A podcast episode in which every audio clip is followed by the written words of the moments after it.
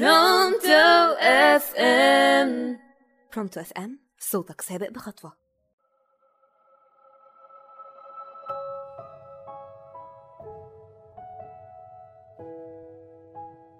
مساء الخير عليكم. أنا نهى من برنامج من كل قصة عبرة. أتمنى قصتنا النهاردة تعجبكم. النهاردة قصتنا عن الصديق الحقيقي. تدور القصة حول صديقين كانا يسيران في وسط الصحراء. وفي مرحلة ما من رحلتهما تشاجرا شجارا كبيرا فصفع أحدهما الآخر على وجهه. شعر ذلك الذي تعرض للضرب بالألم والحزن الشديدين.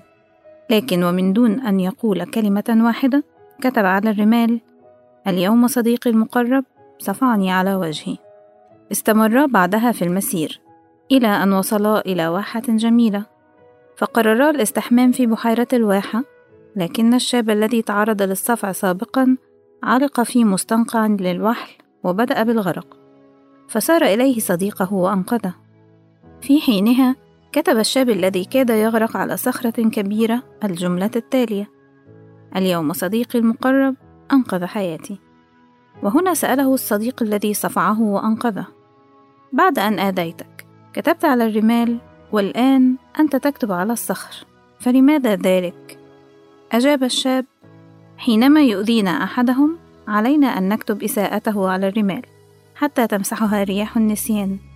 لكن عندما يقدم لنا أحدهم معروفا لابد أن نحفره على الصخر كي لا ننساه أبدا ولا تمحوه الرياح إطلاقا. العبرة المستفادة من هذه القصة القصيرة كن متسامحا ولا تنسى من قدم لك معروفا. لا تقدر ما تملكه من أشياء وإنما قدر ما تملكه حولك من أشخاص. التسامح والإحساس بالجميل أساس أي علاقة بين أي اتنين. التسامح هيخليك تعرف تكمل حياتك مع الشريك الآخر. سامح اللي بتحبه سامح صاحبك وسامح حتى اللي غلط فيك. لأن التسامح بيحسسك بسلام مع نفسك ومع الآخرين. يا رب تكون قصتنا عجبتكم. استنوني في قصة جديدة وعبرة جديدة.